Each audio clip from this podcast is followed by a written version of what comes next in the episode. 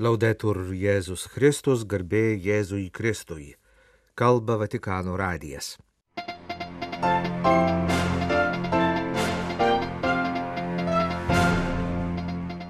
Lietuvį kunigą Rolandą Makricką popiežius paskyrė arkivyskupu. Vasario 11-ąją Lurdo švenčiausiosios mergelės Marijos liturginio minėjimo diena buvo minima pasaulinė ligonių diena bei Vatikano valstybės šventė. Nikaragvos režimo teismas 26 metų kalėjimo bausme nuteisė katalikų vyskupą. Religijos laisvės stebėsenos pasaulyje ataskaita skelbia, kad kas septintas pasaulio krikščionis yra diskriminuojamas. Laidos pabaigoje šeštojo eilinio sekmadienio Evangelijos komentaras. Popiežius Pranciškus, monsinjorą Rolandą Makricką, popiežiškosios švenčiausiosios mergelės Marijos didžiosios bazilikos nepaprastai komisarą paskyrė tituliniu Tolentino vyskupu ir suteikė jam asmeninį arkivyskupo titulą. Rolandas Makrickas gimė 1972 metais Biržuose, 96-aisiais buvo išventintas kunigų Panevežio vyskupijai Nuo 1996 iki 2001 metų buvo Lietuvos vyskupų konferencijos sekretorius ir 2000-ųjų didžiojo jubiliejaus nacionalinio komiteto vadovas. 2004-aisiais Romos popiežiškajame Grigaliaus universitete įsigijo bažnyčios istorijos daktaro laipsnį. 2006-aisiais buvo priimtas į Šventojo sosto diplomatinę tarnybą, dirbo nunciatūrose Gruzijoje, Švedijoje, Junktinėse Amerikos valstijose, Gabone ir valstybės sekretoriato bendrųjų reikalų skyriuje. Nuo 2021 gruodžio 15-osios jis yra popiežiškosios švenčiausiosios mergelės Marijos didžiosios bazilikos nepaprastasis komisaras. Vasario 11-ąją jau 31 kartą visame katalikų pasaulyje buvo minima pasaulinė ligonių diena kurią įsteigė popiežius Jonas Paulius II. Šiam minėjimui jis parinko Lurdo švenčiausiosios mergelės Marijos liturginio minėjimo dieną, atkreipdamas dėmesį į viltį, kurią Marijos užtarimas teikia lygos ir kančios atveju. Apie pasaulinės ligonių dienos įsteigimą Jonas Paulius II pranešė 1992 metais gegužės 13 dieną laiške adresuotame tuometiniam popiežiškosios sveikatos apsaugos Jelovados tarybos pirmininkui kardinolui Fiorenzo Angelinį, nurodydamas kasmet šią dieną minėti vasario 11-ąją. Rašydamas apie savo iniciatyvą, popiežius pabrėžė, kad pasaulinės ligonių dienos tikslas - skatinti visos bažnyčios įsipareigojimą kuo geriau rūpintis ligoniais.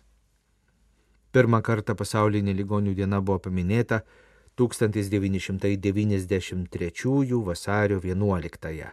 Šiemetinės 31-osios pasaulinės ligonių dienos tema - Slaugyk jį atjauta kaip sinodinė gydymo praktika. Vasario 11 tai ir Vatikano valstybės nacionalinė kabutėse šventė. Šią dieną sukanka 92 metai nuo Laterano sutarčių pasirašymo kuriuo buvo užbaigtas po Italijos suvienijimo kelis dešimtmečius trukęs Šventojo sosto nesusipratimų su Italijos karalystė laikotarpis, o tuo pačiu buvo įkurta popiežiaus suverenumą tarptautinėje bendruomenėje garantuojanti maža Vatikano miesto valstybė.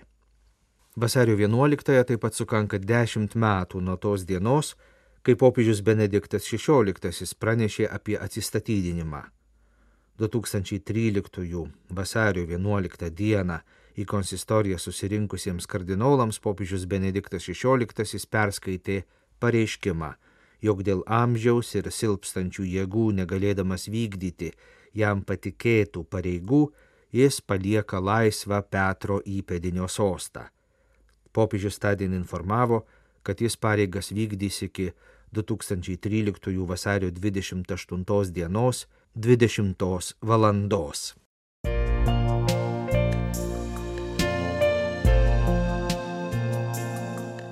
Jūs klausotės Vatikanų radio. Tęsėme žinių laidą lietuvių kalba.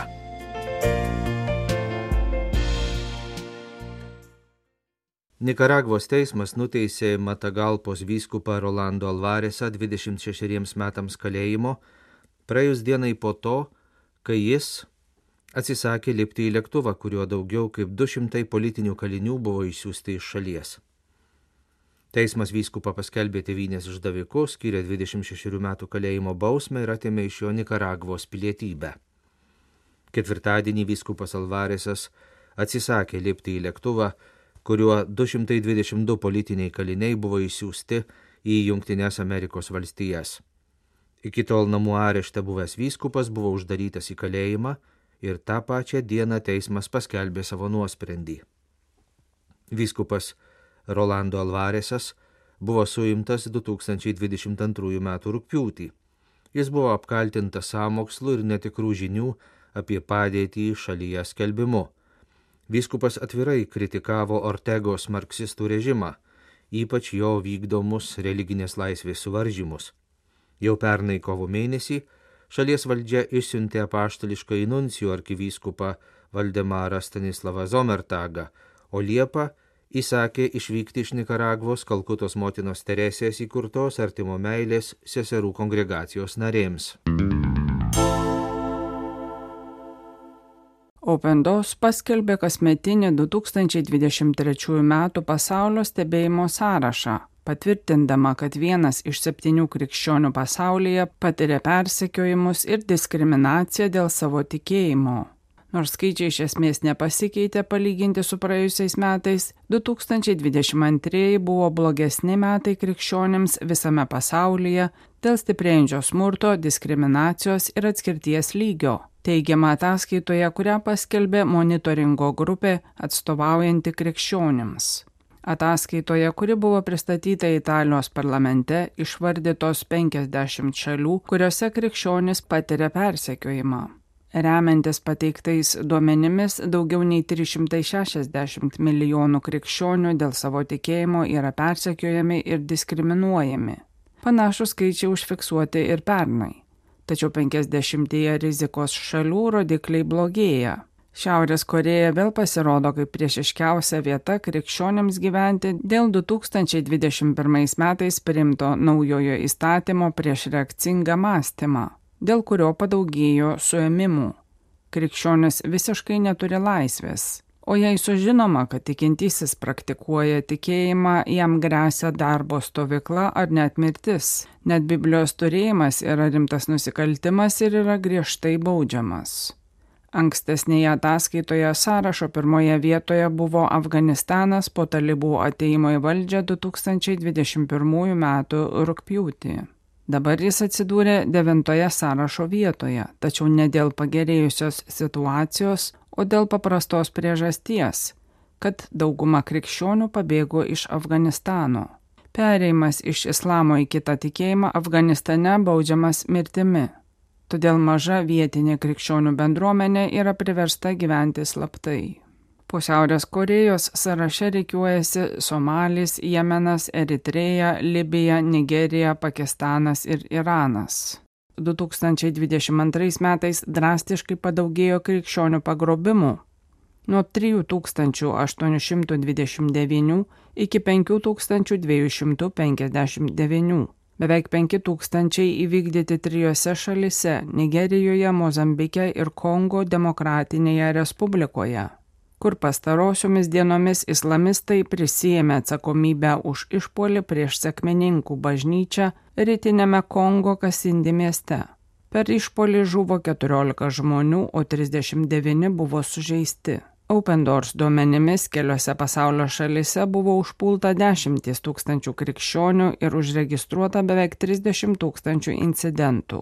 Indijoje, kur hinduistų nacionalistų vyriausybė apribojo kitų tikėjimų atstovų teisės, 1750 krikščionių buvo suimti be teismo. Atvirą priekabiavimą dažnai lydė subtilesnės spaudimas, įskaitant kasdienę prievartą darbo vietose, mokykloje, viešosiuose įstaigose. Nors sunku konkrečiai įvertinti, Tai daro didelį poveikį bendruomenėms ir prisideda prie krikščionių persikėlimo šalies viduje ir tarptautiniu mastu. Tai ypač akivaizdu artimuosiuose rytuose ir Sahelio regione Afrikoje dėl džihadistų veikimo, taip pat Irane ir Mianmare, kur po karinio perversmo 2021 vasario mėnesį Huntos kariuomenė nusitaikė į bažnyčias. Paskutinis incidentas įvyko sausio 15 dieną, kai buvo sudeginta istorinė katalikų bažnyčia Hantar kaime Mandalajaus viskupijoje. Open Doors teigimu, kai kuriuose šalise krikščionių perkelimas dažnai yra apgalvota strategija, kuria siekiama panaikinti krikščionių buvimą regione. Religinis moterų persekiojimas, kitos siaubingos, bet užsleptos persekiojimo formos yra taikomos prieš krikščionis moteris. Tūkstančiai tampa išprievartavimo aukomis, siekiant sugėdinti jų šeimas ir bendruomenės, arba priverstinai ištekinamos, siekiant priverstinio atsivertimo į islamą. Ataskaitoje užfiksuota tik dalis atvejų - daugiau nei 2000 išprievartavimų ir 717 priverstinių santuokų. Tačiau tai tik lietkalnio viršūnė, nes dėl socialinių ir kultūrinių priežasčių Apie daugumą atvejų valdžios institucijoms nepranešama. Dėl šios priežasties Open Doors pastaraisiais metais atskirai tyria su lytimi susijusi religinį persekiojimą.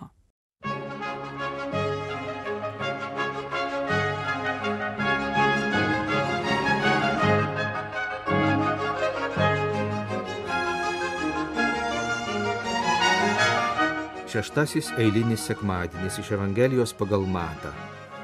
Nemanykite, jog aš atėjęs panaikinti įstatymo ir pranašų. Nepanaikinti jų atėjau, bet įvykdyti. Iš tiesų sakau jums, kol dangus ir žemė nepraeis, ne viena raidelė ir ne vienas brūkšnelis neišnyks iš įstatymo, viskas išsipildys. Jūs esate girdėję, kad protėviams buvo pasakyta, nežudyk o kas nužudo turės atsakyti teisme. O aš jums sakau, jei kas pyksta ant savo brolio, turi atsakyti teisme. Jūs esate girdėję, jog buvo pasakyta nesvetimauk, o aš jums sakau, kiekvienas, kuris gaidulingai žvelgia į moterį, jau svetimauja savo širdimi. Taip pat buvo pasakyta, kas atleidžia žmoną, tegul išduoda jai skirybų raštą, o aš jums sakau, Kiekvienas, kuris atleidžia žmoną, jei neištvirkavimo atveju, skatina ją svetimauti. Ir jeigu kas atleista ją veda svetimauja. Taip pat esate girdėję, jog protėviams buvo pasakyta, nelaužyk priesaikos, bet ištesėk viešpačiui savo priesakus. O aš jums sakau, iš vis neprisiekinėkite nei dangumi, nes jis Dievo sostas nei žeme, nes ji jo pakojis, nei Jeruzalė nes ji didžiojo karaliaus miestas. Neprisiek nei savo galvą, nes negali ne vieno plauko padaryti balto ar juodo. Verčiau jūs sakykite taip, jei taip, ne, jei ne, o kas viršaus tas iš piktojo. Skaitome monsinjoro Adolfo Grušo mums parengtą šeštojo eilinio sekmadienio Evangelijos komentarą. Žodis, kuris išlaisvina. Izraelitams Mozės įstatymas visuomet reiškia kelią einantį iš Dievo širdies ir leidžiantį būti jo akivaizdoje. Visi žinojo, kad šis kelias buvo duotas tautai tam, kad ji galėtų gyventi, laikydamasi sandoros su viešpačiu, atsiliepdama į jo geranoriškumą ir išsaugodama savoje tapatybę. Vis dėlto Jėzus pasirodė esas viduje laisvas, vertindamas įstatymą. Tuo jis papiktino rašto aiškintojus, kurie mokė įstatymo normų, ir fariziejus, besistengusius skrupulingai vykdyti gautus įsakymus. Jėzus aiškiai sako, nemanykite, jog aš atėjęs panaikinti įstatymo ar pranašų. Nepanaikinti jų atėjau, bet įvykdyti. Jis vadovaujasi, kad tik paskelbtų palaiminimų dvasia, kuri atskleidžia sunaus širdies mintis, drauge radikaliai pakeisdama požiūrį į teisingumą kai teisinga yra tai, kas nukreipta į meilę ir karalystės viltį. Drauge Jėzus užtikrina, ne viena raidelė ir ne vienas brūkšnelis neišnyks iš įstatymo. Originalus Evangelijos tekstas čia kalba apie mažiausius ženklus žydų raidynę. Jie gali atrodyti nepastebimi žodžių sraute, kurį mums pateikia Biblija, tačiau mokytojas tvirtina, kad norint būti didžiu reikia pradėti nuo mažiausių dalykų. Tai jų mes negalime niekada pamiršti ir esame įpareigoti kiekvieną jų perduoti kitiems, nes per šiuos mažiausius paliepimus mokomasi ištikimybės Dievui ir artimui, kurie yra naujojo meilės įstatymo pradžia ir pabaiga. Toliau Evangelijos tekste susidurėme su keturiomis antitezėmis, kuriomis Jėzus atskleidžia autentišką Mozės nurodymų per tą laiką tapusių žmogų nuvertinančių draudimų sąrašų prasme. Viešpačiui naujai ir galutinai išaiškinus pateiktus draudimus, juose brolio tikrojo teisingumo gavėjo veidas tampa aukštesnis už rašto aiškintojų ir fariziejų nuomonę. Būtent vidinis gyvenimas aplankytas palaiminimų šviesos leidžia savo artimą suvokti kaip meilės objektą. Neužtenka nežudyti, bet būtina suvaldyti pyktį ir vengti gėdingų įsireiškimų.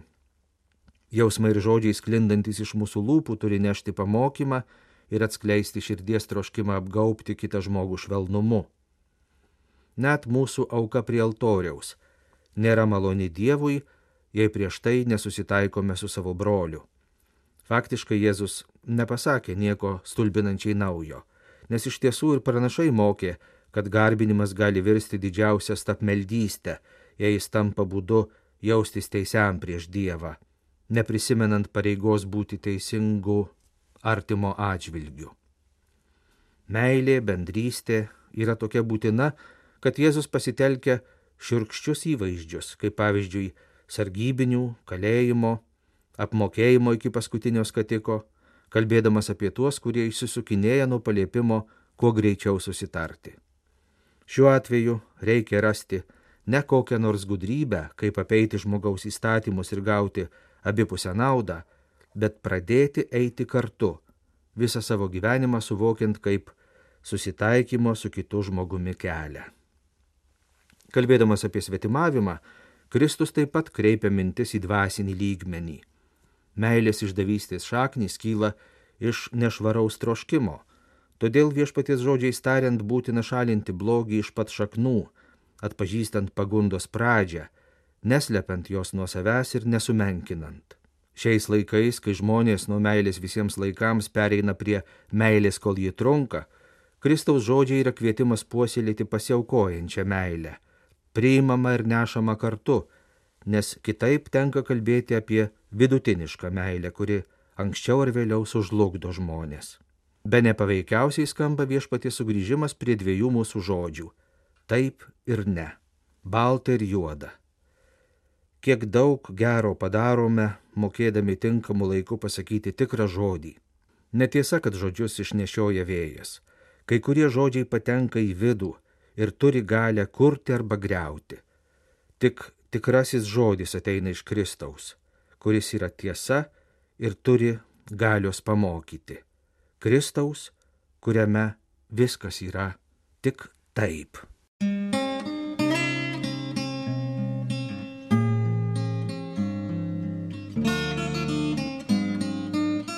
Kalba Vatikano radijas. Laidą lietuvių kalba baigėme. Garbėjai Jėzui Kristui, laudetur Jėzus Kristus.